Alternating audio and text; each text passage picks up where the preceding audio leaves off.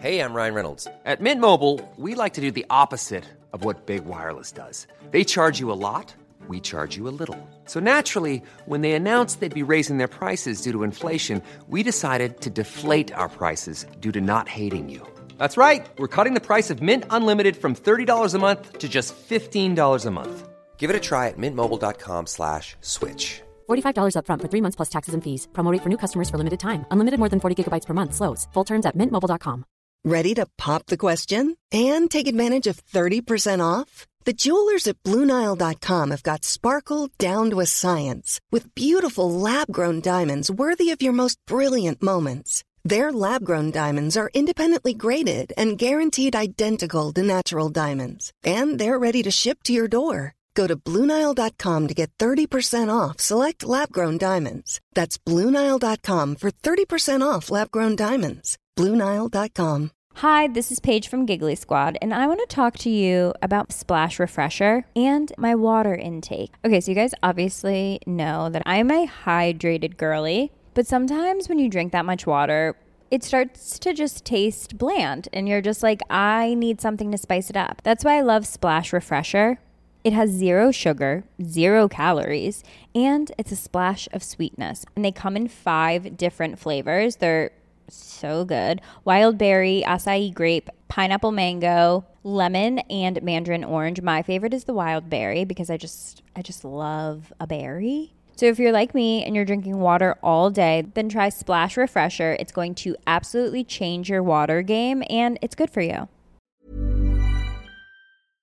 Helt siden de første menneskene slo seg ned i Trøndelag, har det blitt observert underlige lys over. Fenomenet har blitt forsøkt bortforklart som syner sett av bygdetullinger og deliriske hallusinasjoner forårsaket av den lokale drikkekulturen. Men det skulle vise seg at fenomenet stakk langt dypere, når Hessdalen-fenomenet fikk verdensomspennende oppmerksomhet i ufo-miljøet på 1980-tallet. Fenomenet er fremdeles der, og det er fremdeles like uforklarlig som den gang. I 2024 kommer en podkastserie i seks deler, produsert av Project Hessdalen, som kanskje en gang for alle skal finne svar på hva som rører seg på himmelen i denne bortgjemte dalen i Trøndelag. Serien har som seg hør og bør fått tittelen A Blaze in the Northern Sky, og den kommer til din favorittpodkastavspiller i 2024.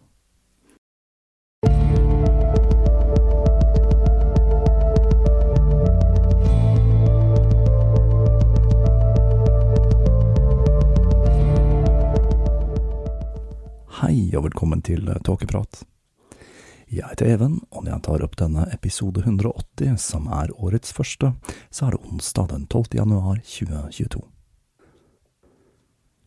I jula hadde jeg som vanlig et lite skrekkfilmmaraton, og da sto blant annet Conjuring 3 på plakaten. Jeg liker Conjuring-filmene svært godt, og jeg er en fan av fortellingene til Edel Lorraine Warren, for uansett hvor tvilsomme de nå er, så har historiene deres enorm underholdningsverdi. Conjuring 3, den var kul, den. Men jeg må innrømme at jeg trakk litt på smilebåndet av beskrivelsen av satanister som en gruppe menneskeofrende individer drevet utelukkende av ondskap og blodtørst. For å illustrere det spilte jeg en liten snutt av Anton LaVey som spiller tivolimusikk på orgel for min kone etter vi hadde sett filmen, for å understreke at mitt bilde av satanister ikke stemmer helt overens med Edda Lorraine sitt. En favoritt blant satanistene fra fjoråret for min del var Aria de Messo, en transseksuell satanist som stilte som republikanernes kandidat som sheriff i New Hampshire. Amerikanerne er som sagt til det kjedsommelige svært polariserte, og de fulgte nok ikke helt med i svingene når Aria, som er imot politiet i sin nåværende form, faktisk ble nominert. Det var nok ikke så mange som tok seg bryet om å google henne, men kun så at hun var kandidaten til republikanerne. Men så ble jeg sittende og tenke. Jeg forbinder stort sett satanisme med grupper som Church of Satan, Temple of Set og de myriadene av losjer og grupperinger som springer ut fra dem, men tro om det ikke finnes noen grupperinger som passer inn i forestillingen til de to demonutdriverne. Da kom jeg på Order of the Nine Angles. Dette er en gruppe som ryktes å ha menneskeofring som en sentral del av praksisen sin, og en jeg har vurdert som tema tidligere. Utfordringen var at sist gang jeg vurderte den som tema, så var det svært så glissent med litteratur om denne gruppen. Men et raskt nettsøk viste at det var kommet en bok om temaet så sent som i 2021. The Order of the Nine Angles, Atomwaffen and the Slaughter of Innocence av William, Ra William Ramsey, og det gjorde at jeg umiddelbart bestilte en kopi på papir og en digital til Kindlen min. Endelig fikk jeg anledningen til å fyre opp Kindlen min igjen, og jeg må si at jeg nesten hadde glemt hvor god leseopplevelse man kan få av e-bøker. Jeg er ikke spesielt glad i å lese på skjerm, men e-ink gir en helt annen opplevelse, og formatet gjør også at lesehastigheten min går opp. Så det er en liten anbefaling fra meg om du ikke har testet ut den teknologien før, og er glad i bøker. I tillegg skulle jeg få litt ekstra å lese på fra en lytter. Jeg har nemlig for vane å legge ut en liten teaser på det neste temaet på Patrion. Og jaggu meg så har ikke jeg en Patrion som har doktorgrad i satanisme. Og han bidro med en serie med artikler om Order of the Nine Angles, så en stor takk til deg. Du vet hvem du er. Jeg har sagt dette før, og jeg sier det igjen. Dette er podkasten med de beste lytterne. Dette ble begynnelsen på en ferd inn i det mørkeste mørket. For jeg hadde rett. Order of the Nine Angles er en religiøs gruppe som ikke bare har drap som en sentral del av praksisen sin, men alle destruktive handlinger, enten det dreier seg om terror, overgrep eller generell spredning av frykt. Alt er virkemidler for å oppnå bevegelsens endelige mål. Gruppen er altså tett knyttet sammen med en rekke nynazistiske grupperinger, så her blir det faktisk nazisatanister, og det er jo unektelig litt stilig. Det får meg til å tenke på en historie fra mitt eget liv. Når jeg begynte på videregående på begynnelsen av 90-tallet, var jeg svartkledd med langt hår, og dette var midt i den norske satanic panic-perioden. Den første skoledagen ble jeg kalt inn til rektors kontor, hvor jeg fikk streng beskjed om at skolen ikke tolererte satanister eller nazister. Nå var jeg verken det ene eller det andre, men det ser ut til at rektorens frykt for nazisatanister faktisk er en realitet. Dette skulle vise seg å være en skikkelig flokende stå for forståelig nok så er dette en svært lukket gruppe, og selv om litteraturen deres er lett tilgjengelig både digitalt og i bokform, så er det vanskelig å vite hvor stor utbredelsen til gruppen faktisk er, da den er ekstremt lukket og hemmelig, og det magiske systemet deres er basert på selvinnvielse, noe som gjør det hele enda mer obskurt. Opprinnelsen til Order of the Nine Angles er altså innhyllet i et slør av mytologi og mystisisme. Men William Ramsey gjør en ganske god jobb med å avdekke det som nok er den faktiske historien til gruppen. Det at dette dreier seg om en såpass kaotisk fortelling, gjør at jeg har valgt å legge meg på en litt annen form enn jeg pleier å gjøre, og jeg kommer til å hoppe litt fram og tilbake i tid og rom for å forsøke å male et så riktig bilde som mulig av gruppen, og på den måten danne et bilde av de historiske røttene og hva det ser ut til at denne gruppen har vokst seg til å bli i dag. Og jeg må si at dette nok blir en av de absolutt mørkeste seriene jeg har laget så langt. Grunnen til det er at dette er en gruppe som ser ut til å være voksende på verdensbasis, og det ser ut til at de har en finger med i spillet i en rekke drap og terrorhandlinger. Det er også et tema som er ubehagelig nærme, da det finnes enklaver både i Sverige og på Island. Så dette blir vel i så måte det nærmeste jeg har kommet gravejournalistikk her i Tåkeprat. Her er det i det hele tatt mye interessant å ta tak i, så da får vi bare se hvor jeg ender opp med denne serien. Og da gir jeg dere historien om Order of the Nine Angles.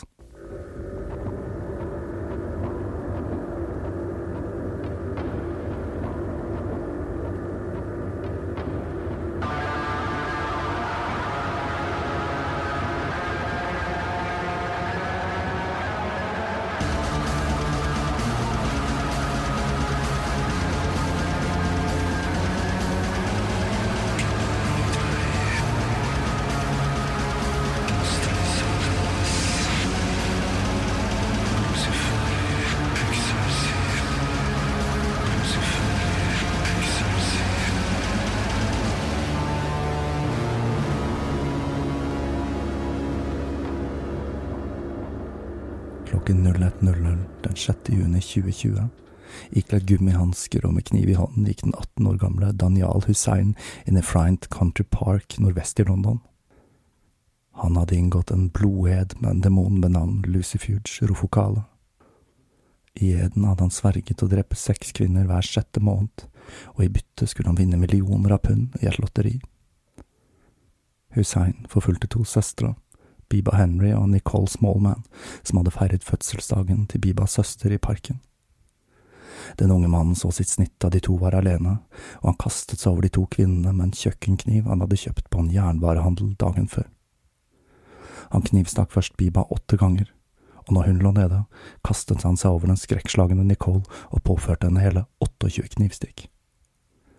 Når ugjerningen var gjennomført, gjemte han likene under noe buskas og kastet mobiltelefonene deres i en dam før han satte kursen hjemover.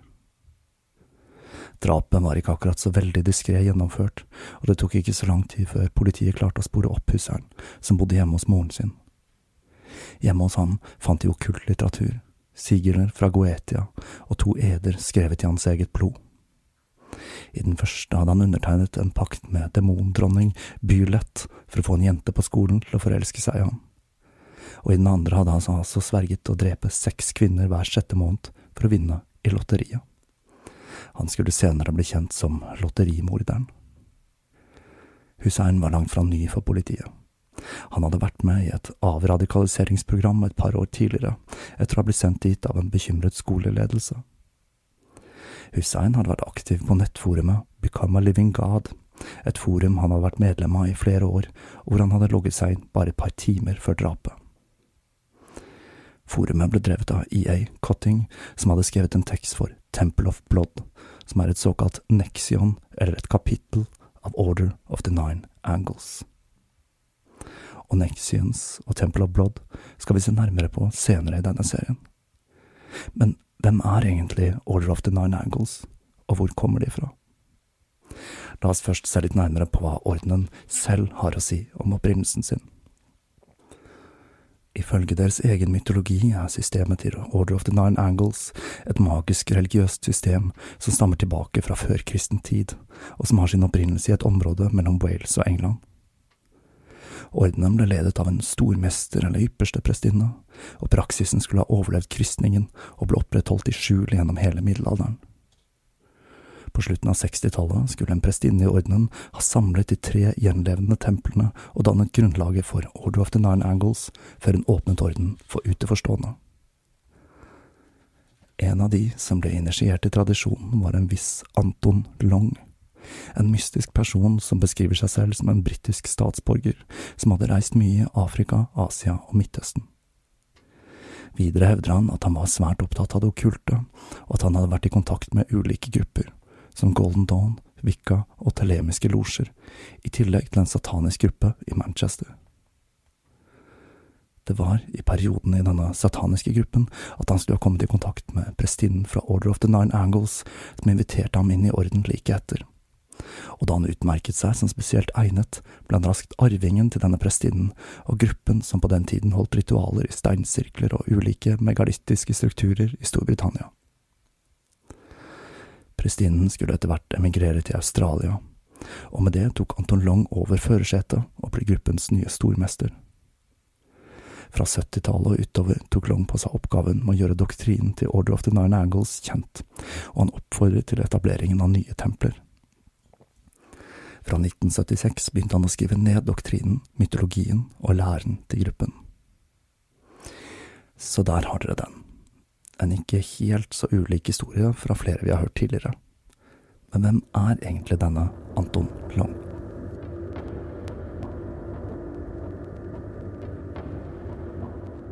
De lærde strides om akkurat dette, men det er god grunn til å tro at denne mystiske personen er ingen andre enn David Mayat en person som var involvert i de tidlige nynazistiske bevegelsene i England, og med en rekke personer vi har vært innom tidligere her i Tåkeprat, blant annet i forbindelse med Savitre Devi. Og som vi skal se, så har nok Order of the Nine Angles hentet litt inspirasjon fra henne. Her tenker jeg spesielt på syklisk tid, og ideen om at det er nødvendig med ekstrem vold for å starte en ny tidssyklus. Senere skulle det også dukke opp forgreninger av Order of the Nine Angles som lente seg sterkt på hinduisme, i likhet med Savitri Devi.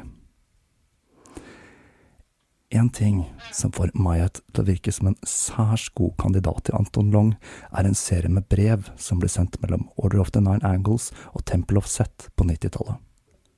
I denne brevskrivingen, hvor en viss Stephen Brown fra Order of the Nine Angles skriver til Michael Aquino, ypperste presten i The Temple of Set, argumenterer han hvorfor menneskeofring er en sentral del av en satanisk praksis.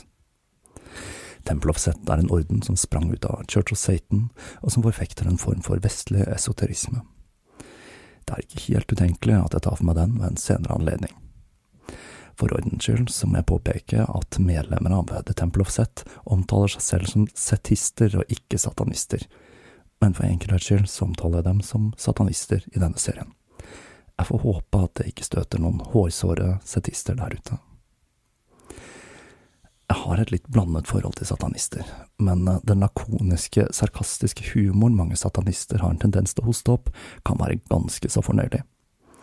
For Aquino, tydeligvis litt irritert over denne Stevens, Stephen Browns stadige mas om menneskeofring, svarte han på et brev i 1992 med overskriften Dear Mr. Brown slash long slash Mayat og han fortsetter med å skrive at det kanskje ville være en fordel å bruke ulike skrivemaskiner og endre litt på signaturen om man skal utgi seg for å være flere personer. Samtidig så lufter han tvil om at Ona i det hele tatt har noen flere medlemmer enn denne Brown, som da brukte samme skrivemaskin som Anton Long, og samtidig så gjør han det klart at han vet at den egentlige identiteten til denne personen er David Mayat. Så her tar jeg av meg hatten for Aquino og jeg tror vi kan gå ut ifra at denne mystiske Anton Long, som fremdeles er stormesteren til Order of the Nine Angles, er ingen andre enn David Myatt. Og da tenker jeg tiden er inne for å se litt nærmere på ham. Faren til Mayat jobbet for den britiske regjeringen, og det førte til at han vokste opp i Tanzania. Som ung gutt så lærte han seg selv å spille sjakk, et spill som fascinerte han så voldsomt at han meldte seg inn i den lokale sjakklubben når familien senere flyttet til Singapore, byttet han ut denne interessen med kampsport, noe som igjen fyret opp interessen for orientalsk religion og filosofi. Nå er vel orientalsk strengt talt et ord man ikke skal bruke lenger, men med tanke på at dette foregikk på 50-tallet, så føler jeg at det er greit. Når han var 15, så flyttet familien tilbake til Storbritannia, og den unge Mayat begynte på college. Han fant skolen kjedelig enkel, og han brukte fritiden på å vandre rundt på den britiske landsbygda i Fenland, et område på Isle of Islay hvor han gikk på skole, og han sugde til seg den ville, utemmede atmosfæren der. Faren fikk seg en ny jobb i Afrika og flyttet dit permanent, men han sendte sønnen en klekkelig sum med lommepenger hver måned. Mayet brukte disse pengene til å reise, og ikke minst til å kjøpe bøker, for han var en skikkelig bokorm, og han gjorde litt sære ting som å lese ordboken for å dykke skikkelig ned i det engelske språket. Ifølge ham selv ble Mayet med et lite heksekoven i Fenland i denne perioden. Vi kan jo allerede ane at det er visse paralleller mellom denne Anton Long og Mayet, for å si det forsiktig. På en tur til London kom han over en gatekamp, og Mayet skriver at han følte en opphisselse i lufta like før det brøt ut fysisk vold. Etter dette gateslagsmålet ble han invitert til den lokale puben av den høyreekstreme siden i denne slåsskampen. Mayet forteller at han langt fra var helt blank når det gjaldt nasjonalsosialisme, og at han hadde lest mye om Adolf Hitler, og ikke minst Otto Ernst Rehmer, mannen som hadde forhindret attentatforsøket mot Hitler i 44, hadde vært en stor inspirasjon for den unge Mayat, og han sa at dette var en ekte kriger som visste hva ære dreide seg om. Han likte denne gruppen med unge menn, som så ut til å omfavne vold på samme måte som han selv. Og en uke senere ble han invitert til et møte hvor han blant annet møtte Colin Jordan. Der har vi en fyr vi har vært borti tidligere. Dette var mannen som startet den britiske nasjonalsosialistiske bevegelsen, og som blant annet giftet seg med Francois Dior, niesen til Christian Dior, for de som husker det fra Tantava-serien. Jeg synes nå iallfall denne koblingen mellom Dior og nynazisme er litt artig, uansett hvor vag eller søkt den nå er. Mayat ble svært inspirert av visjonen Colin Jordan hadde for et nytt samfunn og ny verdensorden basert på arketypen Hitler hadde sett for seg, et krigersamfunn med et galaktisk etos, for å sitere Mayat selv. Mayat skriver at han følte seg dratt mellom tre ulike verdener, kjæresten han hadde i London, studiene ved universitetet og politikken. Akademia ble mindre og mindre interessant for ham, og han brukte mer og mer tid på politikk. På denne tiden oppsøkte Mayat en telemisk gruppe, vil si en okkult gruppe som fulgte læren til Crowley, men han fant det de drev med lite appellerende, ikke ulik Crowleys egen reaksjon på Golden Dawn. Det han derimot ble mer og mer involvert i, var høyreradikal aktivisme, og han var med i flere voldelige demonstrasjoner. Han var aktiv i Nasjonal Front, og på et av møtene der ble han kjent med Eddie Morrison, en framtredende figur i den voksne nynazistiske scenen i England. De to ble raskt gode venner, og Morrison, som var langt mer erfaren i det høyreekstreme miljøet, skulle bli et forbilde for Mayat med sin voldelige, utagerende oppførsel. Etter hvert sluttet han på universitetet og flyttet til Leeds, hvor han brukte all tiden sin på å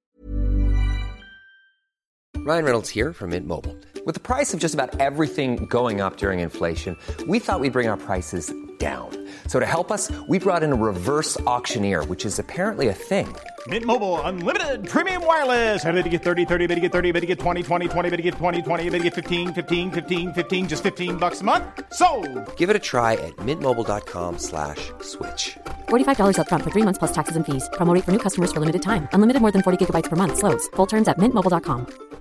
How would you like to look five years younger? In a clinical study, people that had volume added with Juvederm Voluma XC in the cheeks perceived themselves as looking five years younger at six months after treatment. Look younger, feel like you. Add volume for lift and contour in the cheeks with Juvederm Voluma XC. Reverse signs of aging by adding volume to smooth laugh lines with Juvederm Volure XC. For important safety information and to find a licensed specialist, visit juvederm.com. That's J U V E D E R M.com. Not for people with severe allergic reactions, allergies to lidocaine, or the proteins used in Juvederm. Common side effects include injection site redness, swelling, pain, tenderness, firmness, lumps, bumps, bruising, discoloration, or itching. There's a risk of unintentional injection into a blood vessel, which can cause vision abnormalities, blindness, stroke, temporary scabs, or scarring. Talk to a licensed specialist to find out if it's right for you. Om den nasjonalsosialistiske bevegelsen, og hvordan han selv kunne bli en leder og en politisk agitator. Ved flere anledninger var han livvakt for Colin Jordan under demonstrasjoner og taler, og Jordan skulle også bli en slags læremester for Mayat. Han introduserte ham for verkene til blant annet Savitri Devi, og det var da Mayat oppdaget at det var visse likhetstrekk mellom nasjonalsosialismen og deler av den okkulte bevegelsen. Mayet skrev at Adolf Hitler sto for mange av idealene han mente magi burde inneha.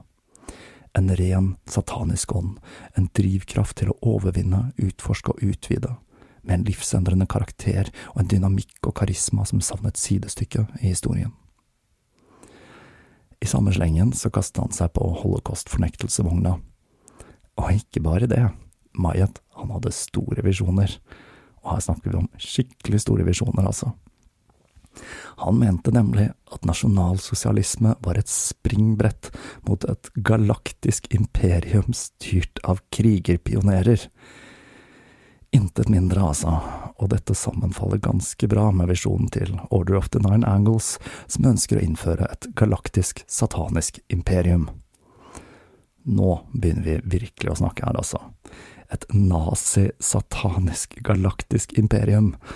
Det hadde selv rektoren min på videregående neppe drømt om, tenker jeg. For å skape denne nye krigerklassen, slik at menneskene kunne reise ut i galaksen og bli en intergalaktisk nasjonalsosialistisk rase, mente han at det var nødvendig å underminere alle konvensjonelle normer og politikk med alle tilgjengelige midler for å destabilisere samfunnet, og et svært viktig virkemiddel for å oppnå dette var vold. Han skrev også at det å jobbe innenfor det etablerte systemet var noe som var forsøkt, men som hadde vist seg lite effektivt. Så han siktet seg inn på en annen strategi. Og det var her interessen for det okkulte kom inn i bildet. Ideen han fikk var å opprette små okkulte grupper som kunne støtte politiske organisasjoner som ønsket å styrte det regjerende politiske systemet. En taktikk ville være å infiltrere stillinger i samfunnet der man kunne forårsake stor skade. En annen var å rekruttere og radikalisere personer i samfunnskritiske stillinger, og en tredje var å bygge et internasjonalt nettverk som kunne tenne gnisten for en internasjonal nasjonalsosialistisk revolusjon. Og jeg må jo si at akkurat det siste der, det høres jo litt ut som en selvmotsigelse. Internasjonal nasjonalsosialisme, altså. Men det er vel første steget på vei mot et galaktisk nasjonalsosialistisk imperium, det, da. Mayat skrev at han var overbevist om at alle midler kunne brukes i å kullkaste hva han anså som et tyrannisk og undertrykkende system. Etter å ha sonet en voldsdom skrudde Mayat voldsknappen opp enda et hakk da han startet en gjeng i Leeds som drev med tyveri, og som brukte inntektene fra tjuvgodset til å finansiere terrorisme. I 1974 ble han arrestert igjen sammen med Eddie Morrison og satt inn i Armley Prison i Yorkshire, og når han slapp ut derfra, så ble han med i en Left Hand Path-gruppe, Temple of the Golden Sun, i nettopp Yorkshire. I tillegg så ble han med i den beryktede Column 88, som var en hemmelig paramilitær nynazistisk organisasjon som ble styrt av en tidligere elitesoldat. Og Column 88 de skal ha blitt startet opp så tidlig som i 1945, og det ryktes at den gruppen hadde en tilknytning til Operasjon Gladio, som var en paramilitær, antikommunistisk motstandsoperasjon med selveste Nato og CIA i ryggen. Men det får bli en historie for en senere anledning. Nå gjelder det å holde tunga rett i munnen, for her myldrer det av interessante historier og sidespor. Tilbake til Mayet. Han merket seg at Column 88 var en langt mer velorganisert gruppe enn de han hadde vært med i tidligere. Og når han var på høyden av aktivismen sin i den gruppen, ble den årlige Führerfesten arrangert. Dette var et arrangement der nazister fra hele Europa samlet seg for å feire fødselsdagen til Adolf Hitler. Mayat skriver at han ble svært godt mottatt, og at han likte kameraderiet og fellesskapet han følte på dette treffet. Like etter inviterte Colin Jordan han til å bli med i den innerste sirkelen i sin nye gruppe, The British Movement, men Mayat takket høflig nei. Han hadde nemlig sine egne planer, og han ville ha langt mer vold enn hva Jordan så for seg og med det dannet han og Eddie Morrison The National Democratic Freedom Movement, hvis hele greia var nettopp vold og opptøyer, til tross for det tilsynelatende fredelige navnet på gruppa. Ikke helt uventet så slo myndighetene hardt ned på organisasjonen, og etter å ha blitt arrestert fem ganger gikk Maya til dekning, og hele organisasjonen kokte ut i kål. Politiet klarte til slutt å spore han opp, og han tilbrakte seks måneder i fengsel før han dro tilbake til Leeds og gjenopptok kontakten med de høyreekstreme grupperingene. Det var nå han begynte å sysle med et nytt okkult system, som etter hvert skulle bli ryggraden til Order of the Nine Angles. Og det systemet er så innfløkt og forseggjort at det er noe jeg lar ligge til neste del i denne serien. Mayet var sliten etter år med slåssing og fengsel, og han bestemte seg for å ta en rundtur på den engelske landsbygda. På en av disse turene oppdaget han et katolsk kloster, og det fascinerte ham veldig. Så mye at han faktisk satte seg ned og skrev en søknad om å få bli en munk ved klosteret når han kom hjem. Og det fikk han.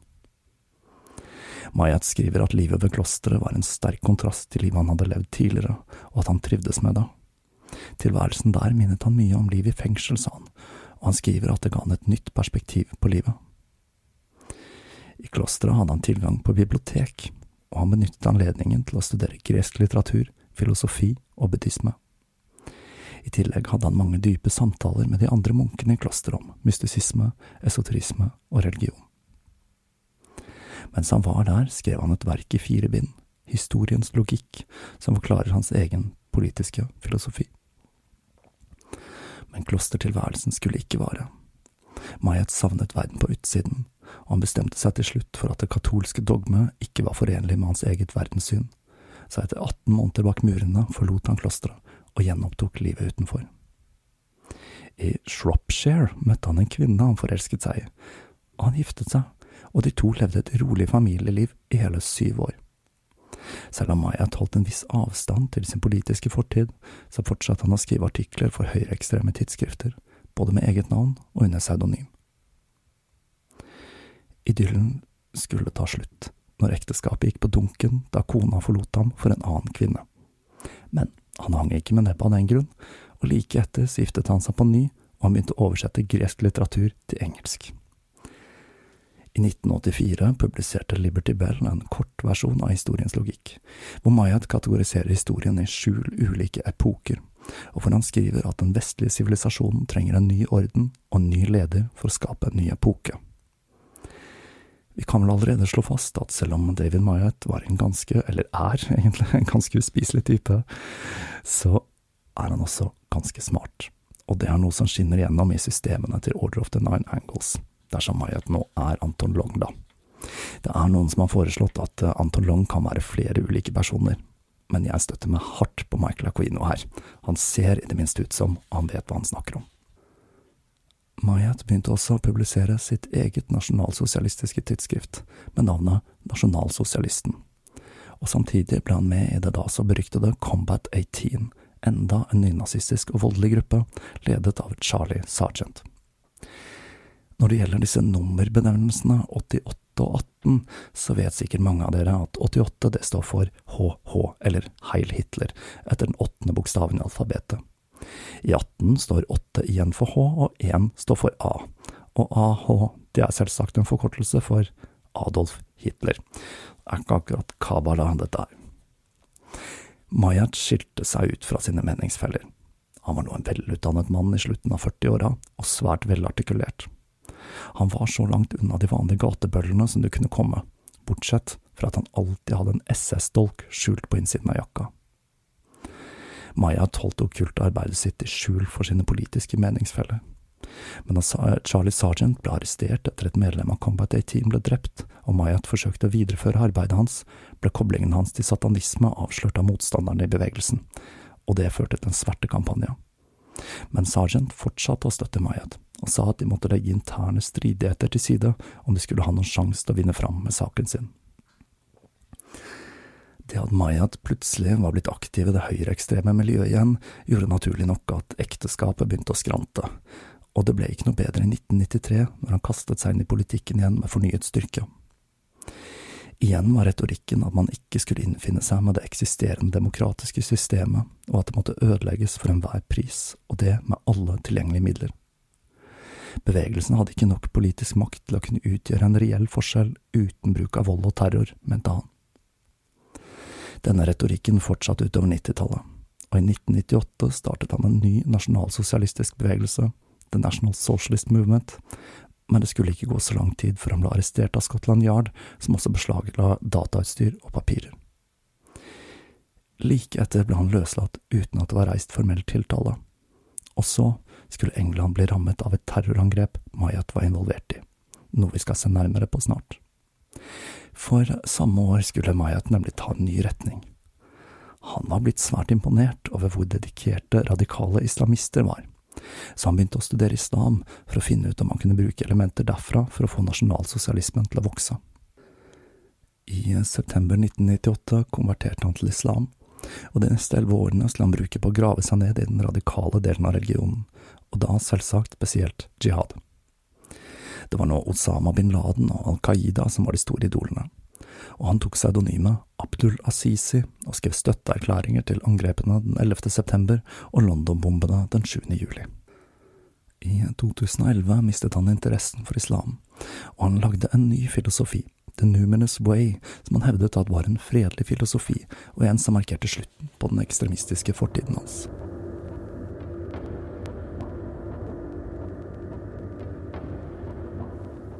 Så var det dette terrorangrepet som er koblet til Mayat, og det dreier seg om spikerbomben i London.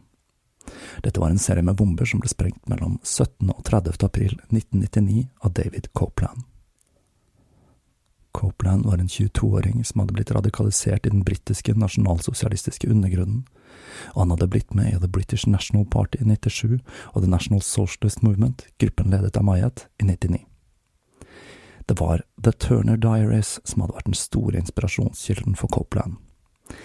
The Turner Diaries er en roman av William Luther Pierce fra 1978 som handler om en revolusjon i USA som utløser en atomkrig, og ikke minst en rasekrig der jøder, ikke-hvite og liberale blir utryddet. Og boka regnes som selveste bibelen til mange i den ytre høyrefløy. Det hadde gjort at han ønsket å starte en rasekrig for å fremskynde et nasjonalsosialistisk styre i England. Copeland lastet ned A Terrorist Handbook, en bok jeg mener jeg selv hadde på diskett i min ungdom, og dro for å kjøpe de nødvendige ingrediensene. Målet hans var å skape kaos og frykt, og med det spre hat, noe han mente igjen ville føre til store politiske omveltninger og denne rasekrigen han så for seg. Hver av de tre bombene han lagde, inneholdt 1500 spiker, og han valgte seg ut politiske mål. Han skrev fem pressemeldinger i forbindelse med angrepene under pseudonymet De hvite ulvene. Den 17. april 1999 reiste han til London med toget, og han plasserte den første bomben i Brixton, i hva han mente var den delen av London som hadde den tetteste befolkningen fra de karibiske øyer. Tre dager før han plasserte ut bomben, hadde han sendt en pressemelding der han oppfordret alle ikke-hvite og jøder til å forlate landet. Og han skrev at midnatt 31.12.99 ville de hvite ulvene begynne å ule, og når ulvene uler, begynner de å jakte. Copeland satt fra seg bagen med bomben ved en bussholdeplass. Et vitne syntes det hele så mystisk ut, og han flyttet eh, bagen til et mindre befolket område. Bagen ble flyttet flere ganger, og til slutt tok noen ut bomben og plasserte den på en stabel med paller like ved et supermarked. Det var flere som trodde bomben var fake, men det gikk etter hvert opp for folk at dette dreide seg om ekte vare, og politiet ble tilkalt. Idet de kom, gikk bomben av, og 48 personer ble skadet av den kraftige eksplosjonen som sendte en storm av spiker i alle retninger. Den andre bomben plasserte Copeland i Brick Lane øst i London, hvor det bor mange personer fra Bangladesh. Det er et gatemarked der på søndager, men Copeland han hadde feilberegnet, og det var lørdag. Men når han først var kommet så langt, så ville han ikke deaktivere bomben, så han la igjen bagen i Hanbury Street, hvor den ble funnet av en mann som trodde at det var en mistet bag, og som bestemte seg for å ta den med til politiet. Bomben gikk an og han la den i bagasjerommet, og 13 mennesker ble skadet, og biler og omkringliggende bygninger ble truffet av spikerstormen. Den siste bomben plasserte Copeland i Soho fredag den 30. april, midt i hjertet av det homofile miljøet i London. Han gikk inn på puben Admiral Duncan, som er en av de eldste skeive barene i London, og han sa senere, Jeg så menneskene jeg skulle drepe, jeg følte ingen glede, men jeg følte meg heller ikke trist, jeg følte ingenting. Bomben gikk av 1837. Tre mennesker ble drept, inkludert den gravide Andrea Dykes, og fire mennesker mistet lemmer i eksplosjonen. I tillegg ble 79 andre skadet. Han ble arrestert etter Soho-bombingen mens han var i ferd med å planlegge en fjerde bombe. De fant ham i leiligheten hans i Hampshire, en leilighet dekorert med svastika og nazi-regala. Til politiet sa han, ja, det var meg, jeg gjorde alt på egen hånd men gjorde han egentlig alt på egen hånd? Som vi vet, så var Copeland involvert med Mayat, og om det har seg slik at Mayat er Anton Long, så passer dette terrorangrepet som hånd i hanske med Order of the Nine Angles strategi om å så frykt og kaos for å skape en ny verdensalder.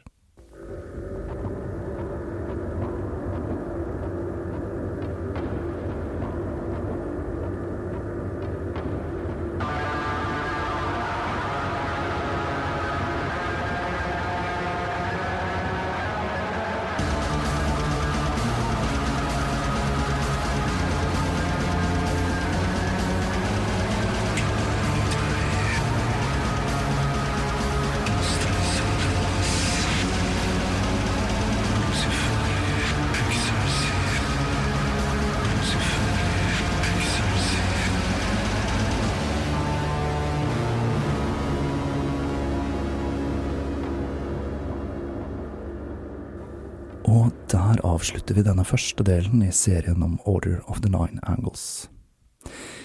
Som dere sikkert skjønner, så blir det nødvendig å spekulere litt i denne serien.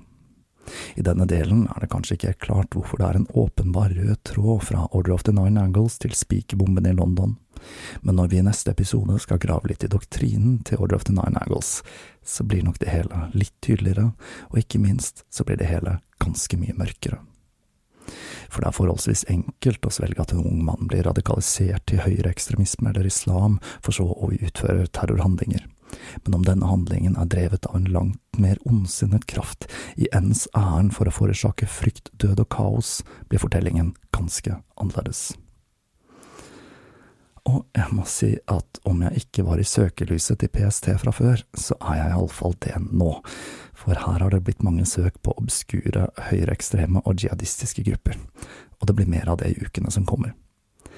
Jeg håper de tar seg bryet med å google meg før de kommer på døra her. i motsetning til de som valgte seg en satanisk transe som sheriffkandidat. Helt til slutt vil jeg minne om at Tåkeprat-kassetten er til salgs i nettbutikkene disse dager. Den første beholdningen er i ferd med å gå tom, men jeg får inn en ny forsyning senere denne uka. Denne ble utrolig stilig, og bare trykket på selve kassetten er verdt kjøpet, om du spør meg. Det ser nemlig ut som om kassetten er tatovert med trykk selv på plasten over båndet. Latterlig billig er den også, og for bare 115 kroner kan du slå kloa i et stykke podkasthistorie. Som vanlig vil jeg takke alle patrions, alle som har handlet i nettbutikken, alle som har donert via VIPS, og ikke minst deg som hører på. Nå var det godt å være i gang igjen. Vi høres igjen om ikke lenge.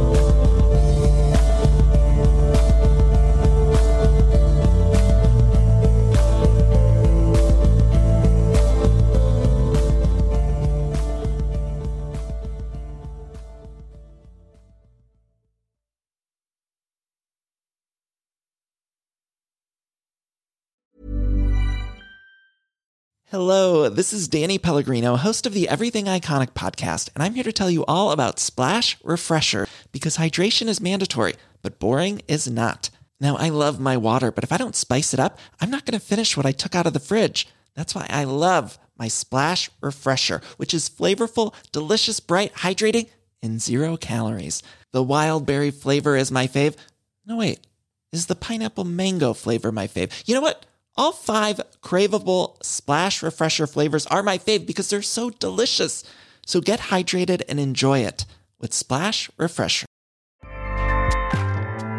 ACAST powers the world's best podcasts. Here's a show that we recommend. The Real Housewives is a guilty pleasure for most, but if you're looking to not feel guilty about that pleasure, tune in to Everything Iconic with me, Danny Pellegrino, where I break down all the messy moments and behind the scenes antics of Bravo's popular franchise. And on Everything Iconic, I also interview celebrity guests like Kelly Ripa, Kiki Palmer, Drew Barrymore, Cameron Diaz, and more about their guilty pleasures, their past work, and so much more. So if you're pop culture obsessed and find yourself watching way too much reality TV like me, tune in to Everything Iconic with Danny Pellegrino wherever you listen to podcasts. ACAST helps creators launch, grow, and monetize their podcasts everywhere. ACAST.com.